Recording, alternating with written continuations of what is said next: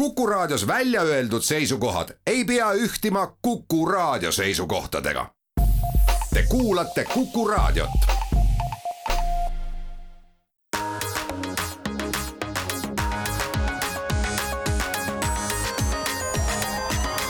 digitund. head Kuku raadio kuulajad, on esmaspäev, kuues juuni. Kell on üksteist ja käes on Digitunni aeg. stuudios on meil Indrek Vaheoja, Mait Tafenau ja Andrus Raudsalu. ja nüüd Digitund kolib sellisesse osaliselt suveformaati, kuna suvi hakkab kätte jõudma ja selle tõttu siis me teeme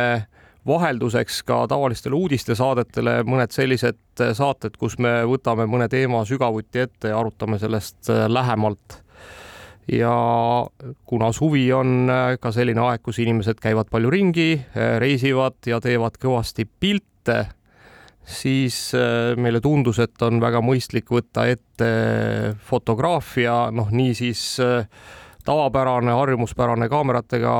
tehtav fotograafia kui ka siis see fotograafia, mis meil kõigil taskus rändab äh, mobiiltelefonide näol, nii et äh, hakkame kuskilt otsast minema, et äh, võib-olla võtaks algatuseks korra ka uudised, et mis, mis meil, mis meil siis tegelikult fotograafia maailmas on juhtunud ja ega me sellest fotograafiast palju rääkinud ei ole, et et ma arvan, et me võime võtta siin sellise umbes aastase või isegi natuke pikema perspektiivi alustame sellest, et äh, nädal kakskümmend üks ehk siis üle-eelmine nädal announce'is Canon üle pika aja kolm uut äh, kaamerat. Et äh, me ei ole tükk aega nagu jälginud niisuguse nagu nurga alt, et noh, ma toon näiteks kaks tuhat kakskümmend üks tuli Canonilt välja ainult üks kaamera võrreldes varasemate aastatega, kus iga aasta oli, igas sarjas oli mingisuguseid uudiseid. noh, enamasti niisugused profikaamerad on tulnud alati olümpiast olümpiasse. Aga niisugused vahemudeleid tuleb alati ja millega katsetatakse mingisuguseid uusi tehnoloogiaid ja seal on olnud kuidagi niisugune rahunemine, et selles mõttes suur üllatus et noh, Fuji näiteks, kes on väga kõvasti siin kanda kinnitanud, nende ka viimased kaamerad announce iti kõik kaks tuhat kakskümmend üks. Ja Nikon ka samuti kõik uued kaamerad on kaks tuhat kakskümmend üks ja siis oli ka ainult kaks, noh, ma kujutan ette, Covid muidugi väga palju mõjutas. Et selles mõttes nagu on jah, teatud niisugune nagu rahunemine nagu sellel valdkonnal toimunud, aga samas ei saaks öelda, et ta nagu seisma jäänud, et seal ikkagi nagu arengut tuleb noh, minu arvates ikkagi seal on üks äh, nagu selge areng või noh, ütleme, et see hüpe, mis nagu nüüd siin üle Covidi aja on toimunud, on see, et äh, võib vist üsna kindlalt öelda, et peegelkaamera kui selline on äh, läinud siis äh, ajaloo annaalidesse, et et äh, noh, kui siis pikka aega oodati sellist mantlipärijate järglast sellisele Nikoni legendaarsele eh, peegelkaamerale nagu D kaheksasada viiskümmend, mis noh, pikka aega oli, võiks öelda, ütleme niisugune nagu kullastandard, eks selles osas, et, et, et mis siis eh, need kaamera võimalused on Äh, siis, äh, siis äh, noh, ütleme, et see muudkui lükkus aastast aastasse edasi, kogu aeg oli, oli noh, mingisugused kuulujutud õhus, et kohe tuleb kaheksasada kaheksakümmend ja see on väga vinge ja nii edasi. Ja nüüd siis lõpuks ikkagi selgus, et ei tule midagi, et see, kes, kes on peegelkaamera huviline, siis see on viimane ja kõige parem peegelkaamera, mida, mida veel saada on aga no millised äh, üldse sellised parendused seal saavad tulla? no selge see, et, et saab teha mingit, ma ei tea, kergemaks ja, ja kompaktsemaks, aga tegelikkuses, kas nagu äh, on mingeid selliseid parameetreid, mille abil saab seda peegelkaamerat veel, ma ei tea, eriti kõvaks teha? no ega vist, ega vist tegelikult ei ole ja see on ka üks põhjus, et, et noh, pikalt oli lihtsalt see küsimus, et et äh, noh, põhimõtteliselt on ju see, et kui sa vaatad läbi selle kaamera siis nii-öelda maailma Äh, siis kas sa näed seda noh, nii-öelda päris pilti või see pilt antakse sulle siis edasi mingi ekraani abil ehk, ehk need kaamerad siis, kus peeglit ei ole, noh, peegelkaameras ju põhimõtteliselt see pilt, mis objektiivist tuli, eks jõudis ka sinu silma ja noh, kõikides nüüd siis uutes mitte peegliga kaamerates on seal vahepeal siis tegelikult mingi ekraanike seal pildi otsijas, mis siis selle pildi sulle silma manab ja noh, eks seal küsimus oli ilmselt selles, et äh, mingil hetkel need ekraanikesed ei olnud nagu väga hea kvaliteediga ja Loodud see resolutsioon oli kehva ja, ja, ja noh, ütleme, et ei olnud nagu väga mugav, äh, mugav äh, opereerida ja nad olid ka oli, aeglased, eks. selle peeglil oli tegelikult teine funktsioon veel, noh, vaata klassikaliselt peegelkaameral oli see, et sa lihtsalt said silmaga nagu vaadata, mis objektiivist tuleb ja see oli väga oluline. aga järgmisena ehitati autofookuse süsteem ja see ehitati samuti selle peegelmehhanismi peale, ehk siis sellel ajal, kui see peegel on all läheb see nii sinu silma kui ka teravustamissüsteemi ja kui peegel on üleval, siis kaameral noh, nii-öelda seebikateks kutsutavatel pisikestel taskukaameratel oli kontrastipõhine teravustamine. Aga kõik niisugused nagu edevamad profikaamerad äh, võimaldasid hoopis teist oluliselt täpsemat ja paremat tehnoloogiat. Ja, ja pikka aega ei olnud sellele niivõrd head taset vastu panna, mis oleks niivõrd kiire, et kontrastipõhine ikkagi oli aeglane, ta pidi otsima tükk aega ja spordifotograaf, kes peab tegema kümme kaadrit sekundis, see just sellel hetkel, kui pall väravasse lüüa, lüüakse või kui jooksja hüppab õhku, eks ju, ja sa ei suuda oma sõrmega alati nii täpselt seda hetke tabada, et sul peab olema see power seal olemas ja saada ka seda kõike fokusseeritult mm. -hmm. aga noh, ütleme, et ega, ega lõppkokkuvõttes on, et mis seal, mis seal peegelkaameras siis lõpuks veel oleks saanud paremaks minna, eks noh, sensorid suuremaks on ju äh, nii siis megapikslite arvult kui siis ka noh, nii-öelda sensori mõõtudelt, seepärast see on tegelikult hästi oluline on ju, et, et äh, lõppkokkuvõttes alati ongi äh, oluline see, et ei ole, ei mängi rolli mitte ainult see, et mitu pikslit siis selle sensori sees on, vaid ka see, et kui suure pinna peale need pikslid on laiali jagatud, sellepärast et kui hästi väikese sensori peale toppida hästi palju piksleid, noh siis hakkavad äh, nii-öelda see valgus hakkab hajuma nende vahel ja see pilt ei tule nii terav ja, ja noh, ütleme, et äh, ega, ega sealt enam edasi kuhugi minna ei ole, eks, et, et noh, ütleme täna Äh, reaalselt, kui me nüüd vaatame nagu seda, et, et noh, mis on jõudnud mobiiltelefonidesse, eks, et mobiiltelefonides räägitakse täna nagu kahesaja megapikslisest äh, sensorist, eks mobiiltelefoni kaamera taga, no ühtegi sellist äh, noh, ütleme siis vähemalt selle nii-öelda siis tavalise äh,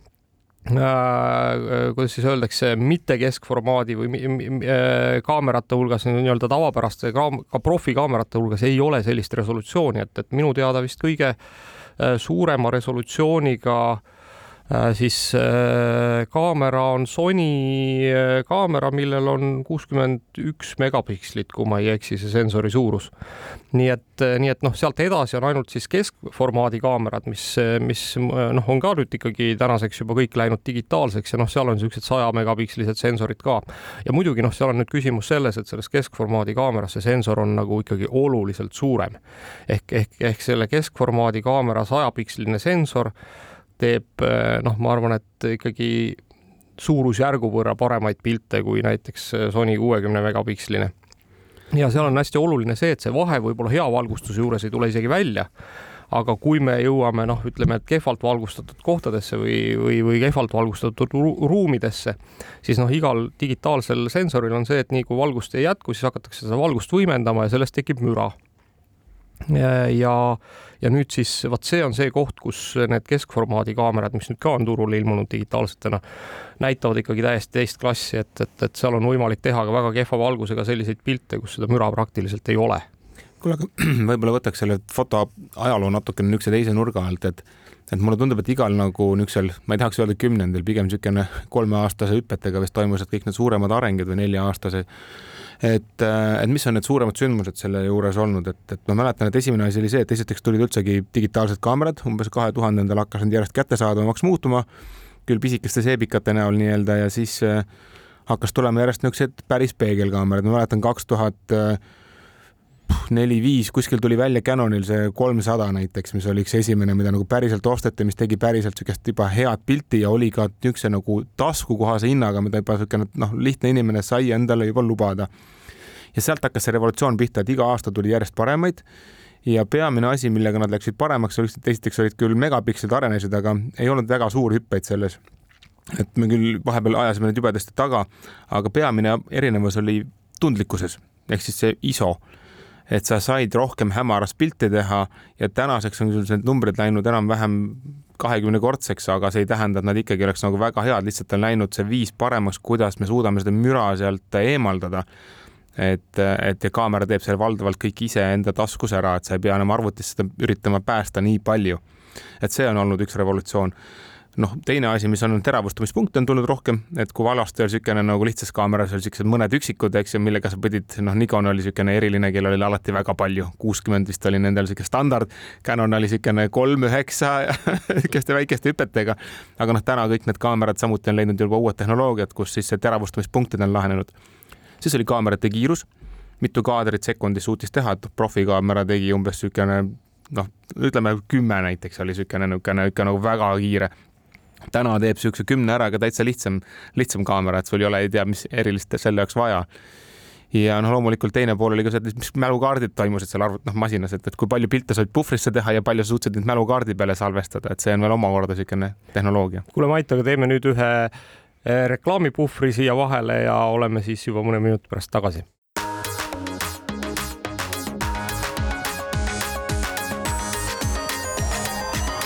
digitund digitund jätkab oma teise veerandiga ja, ja lähme siit edasi ilmselt äh, fotoajalooga, et äh, jäime, jäime just peegelkaamerate juures pooleli, et et Mait, kuidas, mis see järgmine hüpe sealt oli või, või tundub sulle, et Tead, ütleks, oli üldse see... mingi suur hüpe veel pärast seda või? ja meil on suur hüpe oli sellega, et nüüd on need peeglid kadunud, et ma arvan, et see on olnud, ütleme siis viimase aja kõige suurem hüpe ja need esimesed peegli kadumised olid niisugused kahtlased, et, et ikkagi nagu kõik fotograafid ootasid järgmist DSLR-i, sellepärast et need peeglite kaamerad ei olnud tõsiseltvõetavad, noh, eelkõige selle autofookuse probleemi tõttu, millest me natuke rääkisime. ja teisest küljest ei olnud ka noh, seal oli veel mitmeid erinevaid asju, kas see mehaaniline katik jäi sinna sisse või ei jäänud sinna sisse, eks, et noh, erinevaid katsetusi tuli. noh no miks... ütleme, et ega tegelikult mina ütleks, et see mehaanilise katiku kadumine on juba järgmine hüpe, et noh, et nüüd täna vist on siis see Nikoni Z9, mis on siis noh, põhimõtteliselt nende lipulaev hetkel vist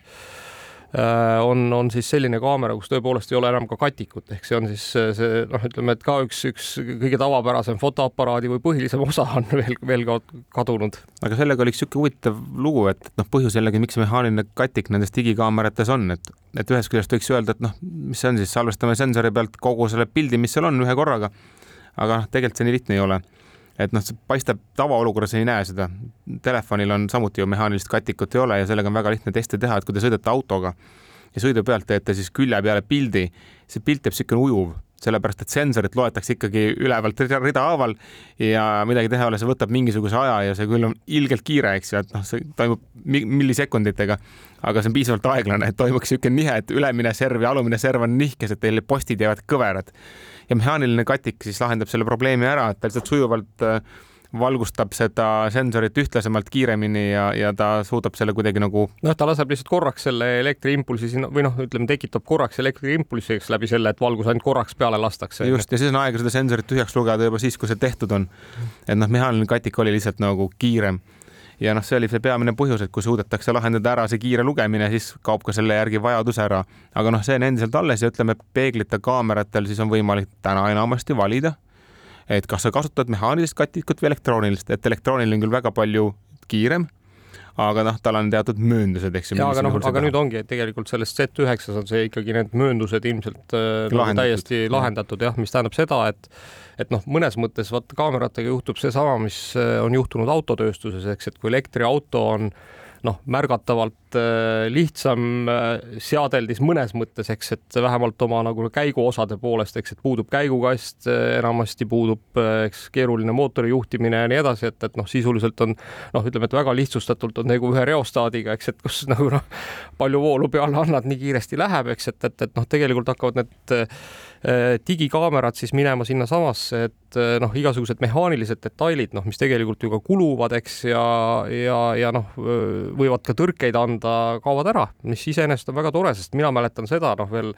ütleme, et äh, mehaanilise katikuga digikaamerate ajast, et, et see oli ikkagi iga fotograafi õudusunenägu, kui su katikuga midagi juhtus, sellepärast et noh, selle vahetamine oli ikkagi noh, peaaegu et sama kallis kui uue kaamera ostmine. aga kui tihti üldse peab sellist kaamerat näiteks hooldama? Kui, kui olenevalt sellest loomulikult, kui palju sa pilte teed ja millistes tingimustes, aga, aga kui, kui tihti pead viima tavaliselt äh, ühe sellise kaamera noh, nüüd puhastusse ja, ja kontrolli?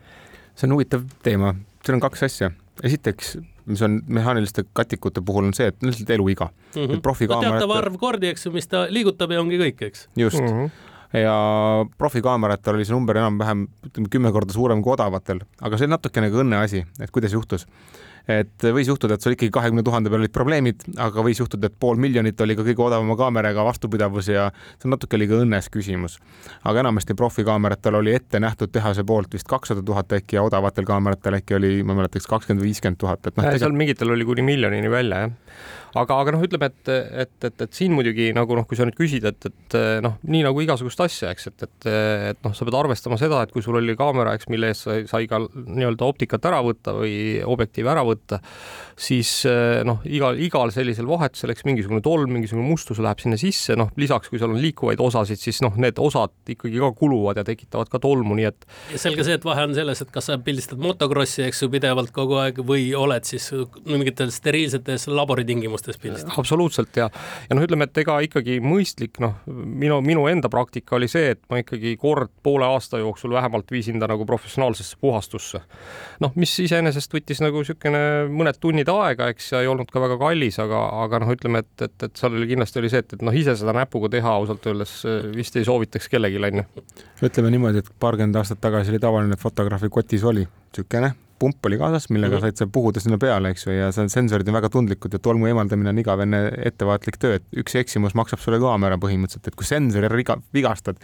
et noh, siis on kõik. et lihtsalt ise niisuguse kompressoriga kallale minna ei ole väga suuremat mõtet. jaa, suvaline kompressoriga, vaat seal on selline probleem ka, et, et sulle tundub, sealt tuleb õhk aga tegelikult võib sattuda sinna kompressoriõli või igasuguseid muid asju ja piisab ühest piisast ja sa ei saa seda kunagi enam sensori pealt maha, et sa ei saa sinna lappi sisse panna, et sa rikud sellega kõik, kõik, kõik täielik fataalselt ära. aga kaameratega oli teine hooldusvajadus veel. et kui me räägime peegelkaamerast, siis nende puhul oluline oli kalibreerimine ja täitsa tuli karbist kivi täitsa uus kaamera teinekord välja, mis ei teinud nii teravat pilti, et ta ei olnud halb pilt mm. -hmm. aga panid teise mehe kaamera pildiga kõrvale ja vaatasid, ohoh, et mul on ikka täitsa udused pildid, et, et kuigi ostsid tippobjektiivi, tippkaamera, äh, käisid kalibreerimas ära ja said aru, et see on väga äge vahe, et noh, pilt oleks ikka väga palju nõelteravamaks. ja, ja öeldakse, et samuti, et, et ütleme poole aasta jooksul tegelikult täitsa mõistlik lasta uuesti kalibreerida, et noh, mingil hetkel tulid tarkvarad ka sinna kaamerate sisse, kus oli võimalik mikrokalibreerimist ise teha. Panid joonlaua laua peale fokusseerisid number kuue peale ja siis vaatasid, kas oli natuke seitsme poole või viie poole kaldu ja siis said keerata. aga tõsisem kalibreerimine nii kaamerale kui objektiividele tehakse ikkagi hooldusteeninduses. ja Canon vist oli ainukene, kes tegi Eestis kohapeal, kõik teised saatsid selle hoolduse kuskile jällegi välismaale, et, et, et noh, igalühel omad rõõmud-valud sellega. aga, aga kalibreerimisest oli kasu mm. -hmm aga noh, siit edasi ma ütleks, et äh, võib-olla üks asi, noh, kui me juba selle teravuse, pilditeravuse juurde jõudsime, siis äh, üks asi, mis selgelt on ikkagi muutunud viimase paari aastaga äh, just profikaameratel on ikkagi see võimekus, kuidas nad suudavad nagu pilti teravustada ja kuidas nad suudavad ka pilti teravana hoida ehk, ehk, ehk tegelikult noh, ütleme, et noh, fotograafias on ju see äh, kullastandard, et sa üritad siis kellegi nii-öelda silma iirise peale, eks teravustada ja hoida siis seda teravana, eks on ju, et, et täna on praktiliselt kõigil siis nendel noh Äh, kuidas ma siis ütlen, peegelkaamera ei saa selle kohta enam öelda, aga noh, siis nendel profikaameratel või poolprofikaameratel on ikkagi sees võimekus äh, hoida näiteks noh, aru saada, eks sellest, mis üldse toimub, on ju, ja noh, see on tegelikult mobiiltelefonidest tulnud oskus, ma arvan, on ju, et et, et, et tunda ära see stseen, on ju, leida üles sealt nägu, on ju, leida näost üles silm ja teravustada silma peale ja noh, mis on, mis on veel eriti tore, eks, et, et siin on näiteks äh, Sony kaameratel on, on võimalus ka nagu siis nii-öelda lemmikloomade teravustamiseks on ju ja, ja, ja siis äh, siin Covidi ajal selgus, et et noh, et kuna need näomaskid äh, siis kaamera ajasid äh, natuke segadusse on ju, et kaamera ei saanud enam aru, et tegu on inimesega ja ei suutnud siis silma üles leida.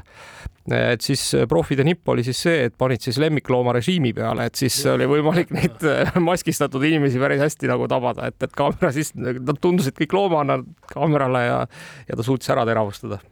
ütleme niimoodi, et see fookuse hoidmine on olnud ka üks niisugune asi, mida fotograafid alati väga ootasid iga kord, kui tuli uue mudel, jälle kohe katsetati, et sellepärast, et noh, ütleme eriti räägime pressifotograafist, eks ju, ja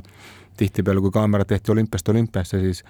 need on kõik pressifotograafid ja nende jaoks on alati tähtis, et sa suudad kiiresti hetke tabada, sel hetkel, kui sul vaja on ja samal ajal, kui see objekt liigub, keda sa jälitad, et ta püsiks fookuses. et selles mõttes on õigus ja, ja seal on küll nagu selles mõttes suur hüpe ka toimunud, et täna, kui sa ostad uue profikaamera, kus ei ole enam peeglit, siis äh, ta suudab väga hästi track ida terve selle ala peal kaasas, kus on see inimene, keda sa alguses fookusesse võtsid, otsida sealt nägusid ja siis sa saad mugavalt nagu neid punktikesi sealt lasta nagu jälitada, et, et see on läinud väga palju paremaks. aga selles mõttes on õigus, et see on see asi, mis oli nii taskukaameratel, nii-öelda seebikatel kui ka telefonidel esimesena ja paremana nagu tegelikult olemas kui suurel kaameral just samal põhjusel, et need mehaanikad olid erinevad. aga täna noh, ma nüüd katsetasin seda Canoni R6-e, ma tean, et Andrus on meil Nikoni mees, mina olen Canoni mees olnud läbi aja, eks ju, et, et kuigi teised tegijad on ka vahepeal turule tulnud väga nagu heade kaameratega, et mulle väga meeldisid ka need Fuji ja Sony lähenemised, eks ju, kes on igal ühel oma loogika. et noh, Fuji puhul, kui rääkida lihtsalt kasutusmugavusest, siis noh, see ülesehitus on lihtsalt väga loogiline. sul on hästi mõnus on seal kettakese pealt otsustada kõiki neid asju, mis on, ei ole niimoodi, et ma pean mingi EV, AV režiime vahetama, vaid sul on väga lihtsalt aru saada, mis formaadis sa parasjagu kaamerat seadistad aga, aga mis on nagu minu viimasel kaameral on sisse ehitatud, ongi tõesti see, et ta saab aru, kus on näod, suudab neid track ida ja ma arvan, et kui me järgmisse saate veerandisse läheme, siis me võime natukene rääkida ka nüüd sellest, et mis, mis tegelikult nagu on telefonide ja taskuformaadi kaamerate ja suurte kaamerate nagu erinevused toimunud. no aga lähmegi siit reklaamipausile ja oleme mõne hetke pärast tagasi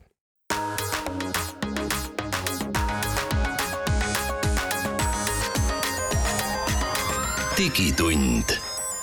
jätkame Digitunni kolmanda veerandiga. stuudios on jätkuvalt Mait Tafenau, Indrek Vaheoja ja Andrus Raudsalu. jätkame siis selle kaamerate teemadel, millel me oleme siin terve saate rääkinud. ja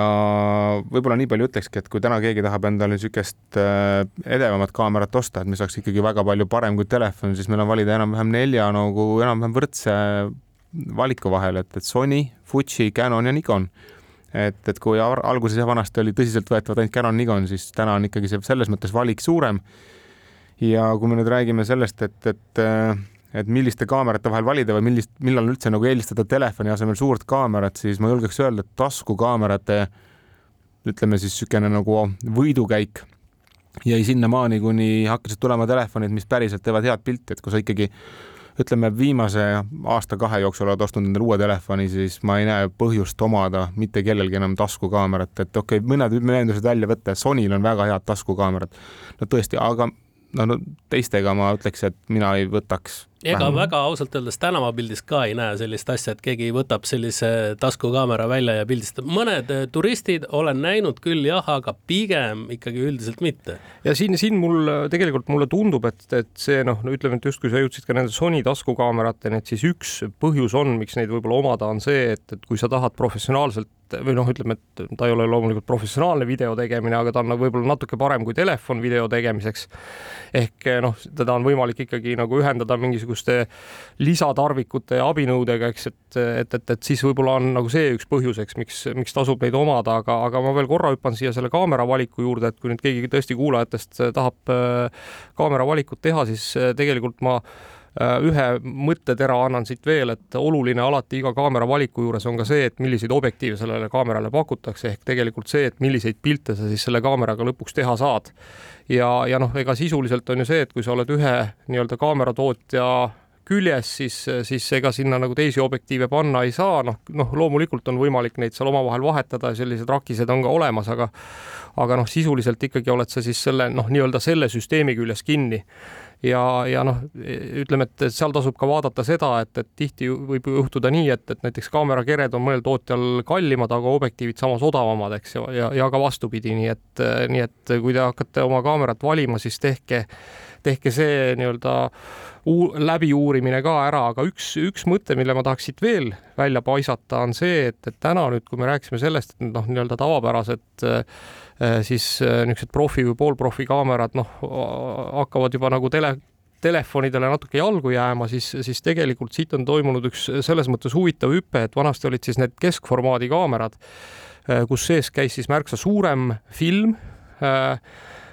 kus siis äh, noh, ütleme, et äh, noh, see pildi kvaliteet saavutatigi läbi selle, eks, et, et, et, et, et see film noh, nii-öelda pildistatav ala oli suurem ja nüüd on siis sinna keskformaadi kaameratesse noh, vähemalt Fuji näol on tekkinud täiesti nagu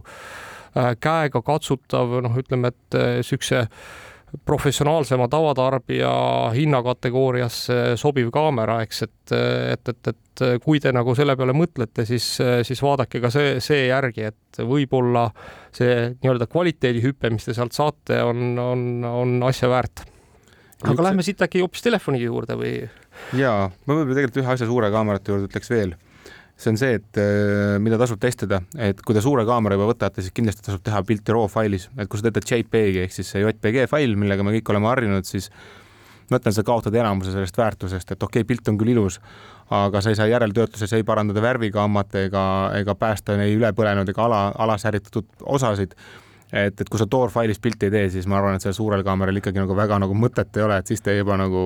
noh, telefoniga. ja, ja siin me jõuamegi ilmselt selle telefoni võib-olla ühe põhilise vea juurde, et arvestades seda, et sensorid on tegelikult telefonides väga head, äh, noh, ütleme, et et eh, noh, optilised eh, lahendused kindlasti nii head ei ole kui üks suurel kaameral, sellepärast lõppkokkuvõttes noh, ütleme, et suurus loeb, on ju, et eriti, eriti optika juures, eks, et, et noh, aga kui te olete tähele pannud, siis, siis kui nüüd nagu ma ei tea, võrrelda näiteks iPhone'i, eks iPhone, noh, ma ei tea, kuuel oli veel see kaamera seal taga selline pisikene, pisikene, peaaegu et nõela, noh, ütleme tänapäeva mõistes juba tundub, et nagu oleks nõelaga olnud torgatud, eks, et et siis, siis kui te vaatate nüüd, eks noh, mingisugust iPhone Äh, kolmteist äh, Prod, kus äh, need kaamera noh, nii-öelda klaas, klaastükid, eks, mis sealt telefoni tagant välja vaatavad, on ikkagi päris austust vääriva suurusega juba, et et siis tegelikult see on see, mille läbi see kvaliteet ka saavutatakse, eks. Suurus nagu eriti optiliste elementide suurus on on nagu väga oluline tegelikult kvaliteedi saavutamisel, aga noh, nüüd minu arust see, mis, mis telefonid põhiliselt ära suudavad või noh, mis, mis telefonid valesti teevad, on see, et, et paljud tootjad ikkagi noh, teevadki mingisuguseid digitaalseid trikke, eks äh, nende piltidega ja noh, sa ei saa sealt telefonist seda raw faili, vaid sa saad JPEG-i, mida siis tootja on oma nagu noh, kuidas ma ütlen äh,, maitse, maitse järgi nagu siis äh, ümber kujundanud, eks, et. kuidas ma ütleks, et ega see Torfail selles mõttes nagu jah, suurel kaameral on lahe, et sa saad selle tumedad alasid väga palju päästa, et noh, vaata fotograafias on alati probleem, kui sa pildistad nagu niisuguses keerulises olus, kus mingisugune inimene on varjus, samal ajal päike taga lõõskab, eks ju, ja meil on niisugune väga suur kontrastide maailm. inimese silmaga, kui sa vaatad, ta korrigeerib sul niimoodi, et sa samamoodi, tal on piir aga sa saad vaadata seda ühele ja teisele poole ja ta parandab kogu aeg vastavalt sellele ja aju joonistab täpselt niisuguse pildi nagu oleks ühtlane. ehk siis tekib väga suur petlik dünaamiline ulatus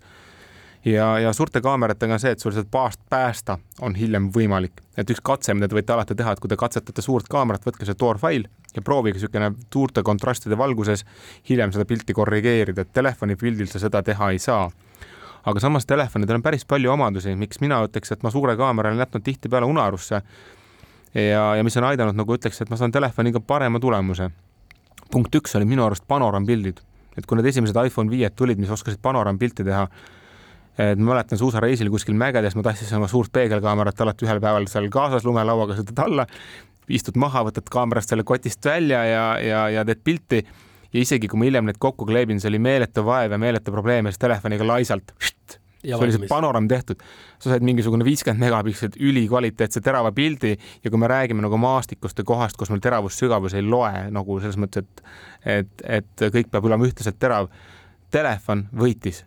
no minu arust võidab telefon ennekõike juba sellepärast, et äh, mugav on, sul on ju telefon nagunii enam-vähem kogu aeg kaasas versus see, et, et sa võtad kaasa kaamerakoti, riputad selle kaela ja hakkad seda siis sealt välja kakkuma. telefoni kättesaamine, pildi ärategemine, ma arvan, et see mugavuse moment on no, üheksal kümnendikul inimestest palju olulisem kui see, et, et ma saan nüüd raw faili sealt ja siis hakata parandama mingeid asju, eks, mis on puhtalt profide teema. täpselt ja ega siis ka kõik, kõik profid on alati öelnud seda, et milline on parim kaamera. parim kaamera on see, mis sul on sellel hetkel äh, taskus, kui see pilt, mida, mis tegemist vajab, on vaja ära teha, et et ega siin midagi ei olegi ja noh, ega ja kusjuures siin, siinjuures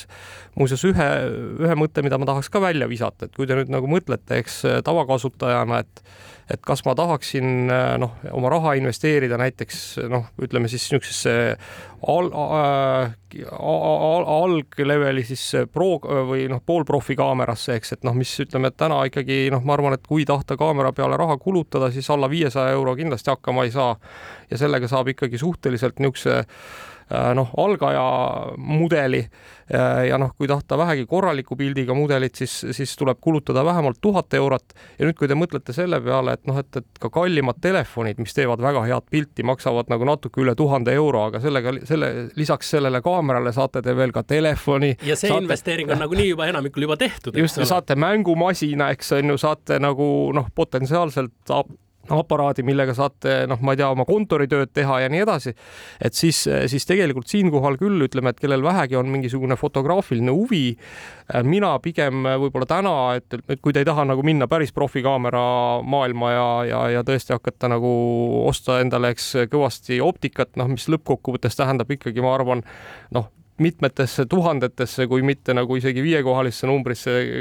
nagu nii-öelda kalduvat nagu investeeringut. et eh, siis äkki on mõistlik, ma ütleks, osta hoopis väga hea telefon, väga hea kaamera komplektiga.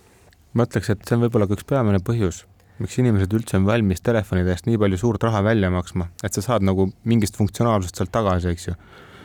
ja teisest küljest ma arvan, üks oluline, oluline külg selle asja juures on ka see, et kui sa täna tegelikult äh, tahaksid saada telefonist paremat kaamerat,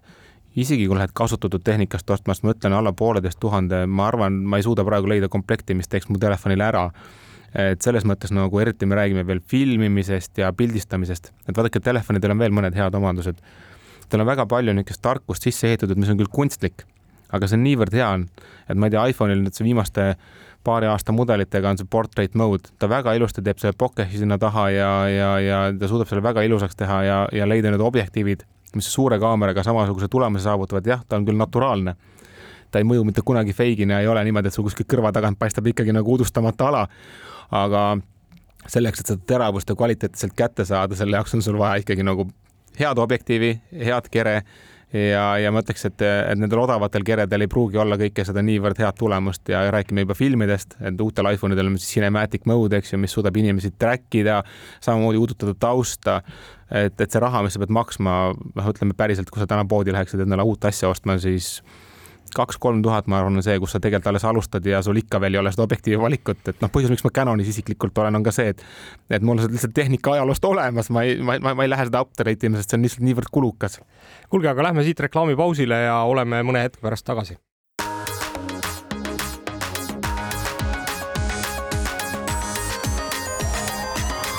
digitund tere tulemast tagasi Digitundi kuulama stuudios Andrus Raudsalu, Mait Tafenau ja Indrek Vaheoja. me oleme siin nüüd fotograafiast äh, palju rääkinud, aga mul väga suur küsimus, et me küll noh, siin oleme rääkinud äh, poolprofi ja profi tegemistest ja nii edasi, aga, aga ütleme niimoodi algaja fotoharrastajana, mis ma siis pihta hakkan, kui ma nüüd saan sellise tohutu sügavusega ja hästi teravustatud ja, ja vinget informatsiooni täis äh, faili, et mis ma sellega siis nüüd teen, kuidas ma seda siis vaatama hakkan ja kuhu ma ta panen et fototöötlusel ja kasutamisel on vist kaks erinevat suunda, et võime natuke mõlemast rääkida. et noh, üks pool on see, et eh, kui me räägime töötlusest, noh, mida töödeldakse, esimene asi on see, et sa tahad, et see kaader näeks nagu hea välja, et on olemas ju mingi hunnik eh, tehnoloogiaid või no ütleme praktikaid, kuidas kaader sättida, kuhu nurka panna inimene, kas sa vaatad kaadrist sisse, kaadrist välja. et noh, seda peab igaüks endale ise paika ajama, aga selge on see, et ega päeva lõpuks inimene teeb selle pildi, et, et me võime osta ükskõik kalli kaameraga, kui sa seda kaadrit ilusaks ei suuda panna, siis eh, noh. võib-olla siin esimene asi olekski, et mitte tormata kohe, oletame, et raha on olemas, siis sellist kallist kaamerat ostma, vaid võib-olla võtta väikene niisugune kompositsioonikursus ja vaadata, kuidas perspektiivid ja sellised asjad töötavad. ja kusjuures internetis on olemas ju ikkagi väga suur hulk äh, erinevate väga professionaalsete fotograafide ja noh, tunnustatud fotograafide poolt äh, siis pakutavaid kursusi, mõni, ma arvan, et on võimalik leida nii tasuta kursusi Youtube'ist otsides, kui on võimalik leida ka tasulisi kursusi. Ja igatahes noh, kui te tahate teha väga häid pilte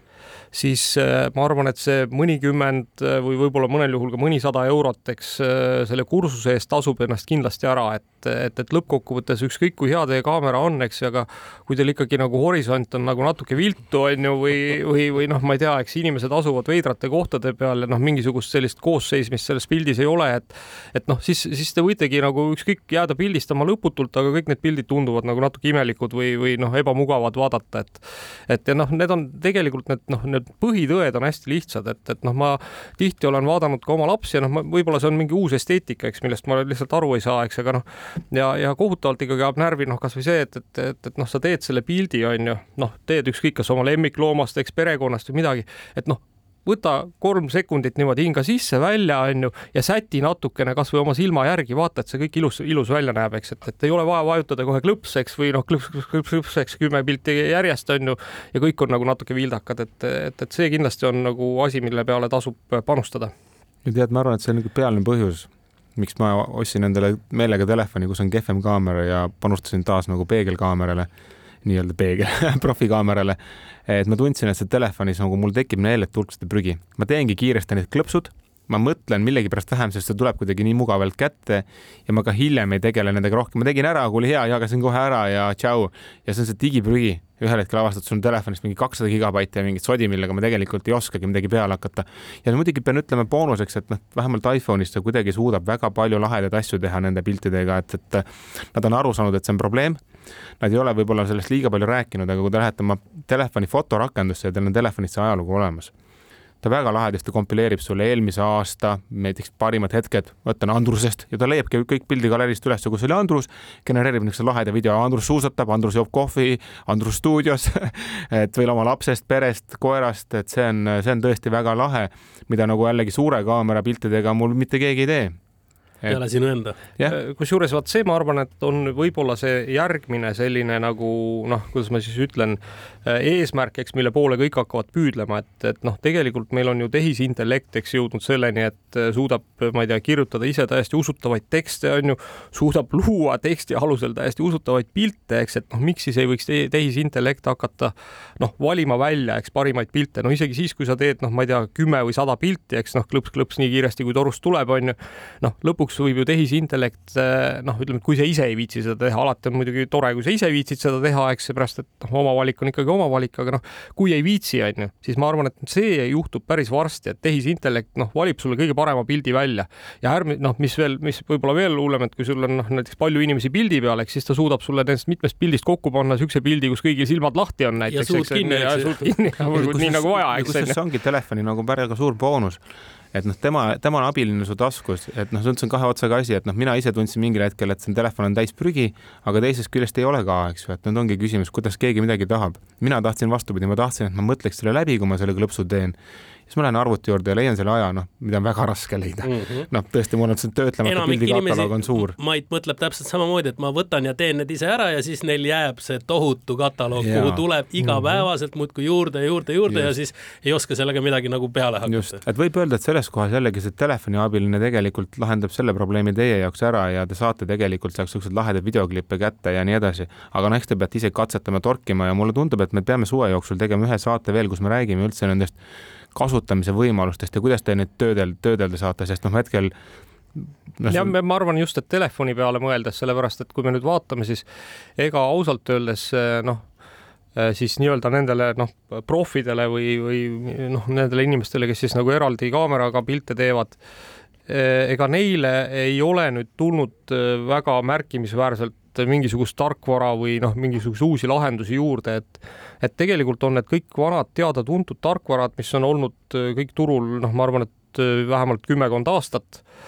ja, ja noh, ütleme, et nad lähevad iga oma uue versiooniga, mis noh, iga aasta praktiliselt tuleb kõikidest neist uus versioon, eks lähevad nagu noh, veidike paremaks, eks ja veidike targemaks ja suudavad teha veidike rohkem ja veidike rohkem sellest pildist välja pigistada. Aga noh, ütleme, et ega seal mingit nagu niisugust noh, ütleme seda tüüpi nagu ikkagi asju, et, et nagu automaatselt mõtleks sinu eest, noh, vaataks sinu kataloogile peale ja siis mõtleks, et mis ma nüüd siit selle kataloogiga pihta hakkan, eks, et millised kümme pilti ma siit välja valin ja, ja, ja noh, eriti heaks teen, eks ise kuidagi automaatselt, et seda seal loomulikult ei ole, et see on ikkagi niisugune käsitöö, eks ja ja noh, pigem ongi niisugune hobitegevus, aga aga noh, ma arvan, et telefonis tegelikult noh, neid tarkvarasid, kus sa saad noh, ma ei tea, pilti ühe nupule vajutusega korrigeerida enam-vähem okeiks, on ju noh, ma ei tea, kaotada pildilt ära mingisugused ebameeldivad äh, lisandused, eks, või noh, mingid äh, noh, asjad, mis seal ei peaks olema, eks noh, ühe nupuvajutusega või kuidagi pöidlaga seal natuke ringi äh, nihverdades, et noh, need on täna olemas juba mm. -hmm. ja, ja, ja, ja tegelikult enamuse inimeste jaoks on need täiesti piisavad no raskem küsimus on selles, et kui sa need pildid kõik ära teed, eks ju,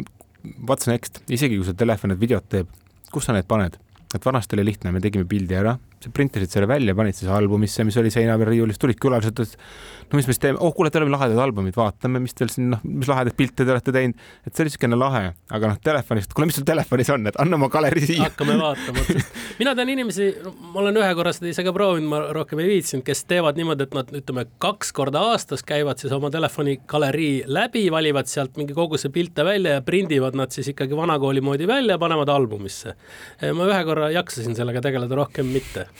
et eh, noh, siin ongi, et aga kuhu ja mis ma teen nende digitaalsete piltidega, oletame, et mul suudan nad isegi ära sorteerida, kuidas ma neid presenteerin niimoodi, et noh, et oleks põnev, et ei oleks nagu vanasti, kui pandi slaide vaatama, et nüüd käisime Musta mere ääres ja vaatame poolteist tundi järjest slaide, eks, et seda jama ei oleks. ma arvan, et see ongi eraldi teema, me võiks täitsa võtta ühe saate, kus me otsime ka neid viise, kuidas neid kasutada, sest täna on väga palju tehnoloogiaid, et no ma toon näite lihtsalt, et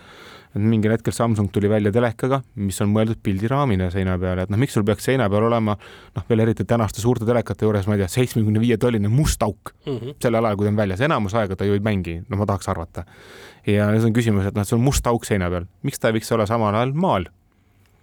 valge auk. Valge auk, no ikkagi sa paned mingi laheda pildi ja paned sinna ilusa frame'i ja, ja, ja nii edasi, et see on väga-väga lahe nagu näidis ja, ja Android telekatel samuti tõmbad endale screensaver'i rakenduse, laed pildid sisse ja no näiteks Apple TV, eks ju, paneb ka sulle selle screensaveri peale, aga seal on nii ilusad pildid, et nagu hakkab äh, veidi kahju sellest, et noh, millega ma ise hakkama olen saanud, et siis ei, ei teki sellist äh, motivatsiooni sinna oma pilte laadida, vaid vaatad, kui ilus on kõik ja. just, just. Ja kui kaamerate juurde tulla veel, meil on nii palju muid kaameraid, millest me tegelikult ei rääkinud, on droonid, eks ju, erinevates nurkades, seikluskaamerad, mis vahepeal olid meeletu hitt, et igal mehel, kes natukenegi lumelauaga sõitis, ta pidi ikka GoPro kaasa võtma, eks ju, ja noh, see on ikka meeletu valdkond veel, et milles sees saab natukene ringi liikuda aga, aga noh, ütleme, et ma arvan, et, et see jah, et, et see valdkond tegelikult täna on, ma ikkagi ütleks ka ala Äh, utiliseeritud või noh, seal ei ole tegelikult häid lahendusi, et noh, siin äh, kutsun üles need kõiki võib-olla järgmises ajujahis keegi pakub hea asja välja, et et tegelikult noh, ütleme, et kõik need äh, digitaalsed foto äh, siis raamid, eks, mida nagu pakutakse ja nii edasi, et noh, nad kuidagi ei ole nagu niisugused orgaanilised või okei okay,, nagu noh, tavapärased nagu mõistlikud lahendused, eks, et et noh, ma ei tea, kas see peab olema siis noh, mingisugusest värvilisest e-paberist, eks nagu fotoalbum, eks, mis ise siis automaatselt oma lehti seal uue uuendab, on ju, iga natukese aja tagant või noh, ma ei tea, mis see lahendus on, aga minu arust täna veel nagu väga head lahendust eh, tegelikult ei ole. Mulle meeldiks isegi see, et ma saaks Messengeris saata niimoodi, et ma käisin praegu rabas, tegin pildi ja saadan nii-öelda nagu klõpsuga kohe sellesse albumisse, mis läheks siis, aga noh, nii see on, aga eh, tänaseks oleme Digitunniga siin fotograafiat hekseldanud pikalt, lõpetame ära selleks korraks ja kohtume juba nädala pärast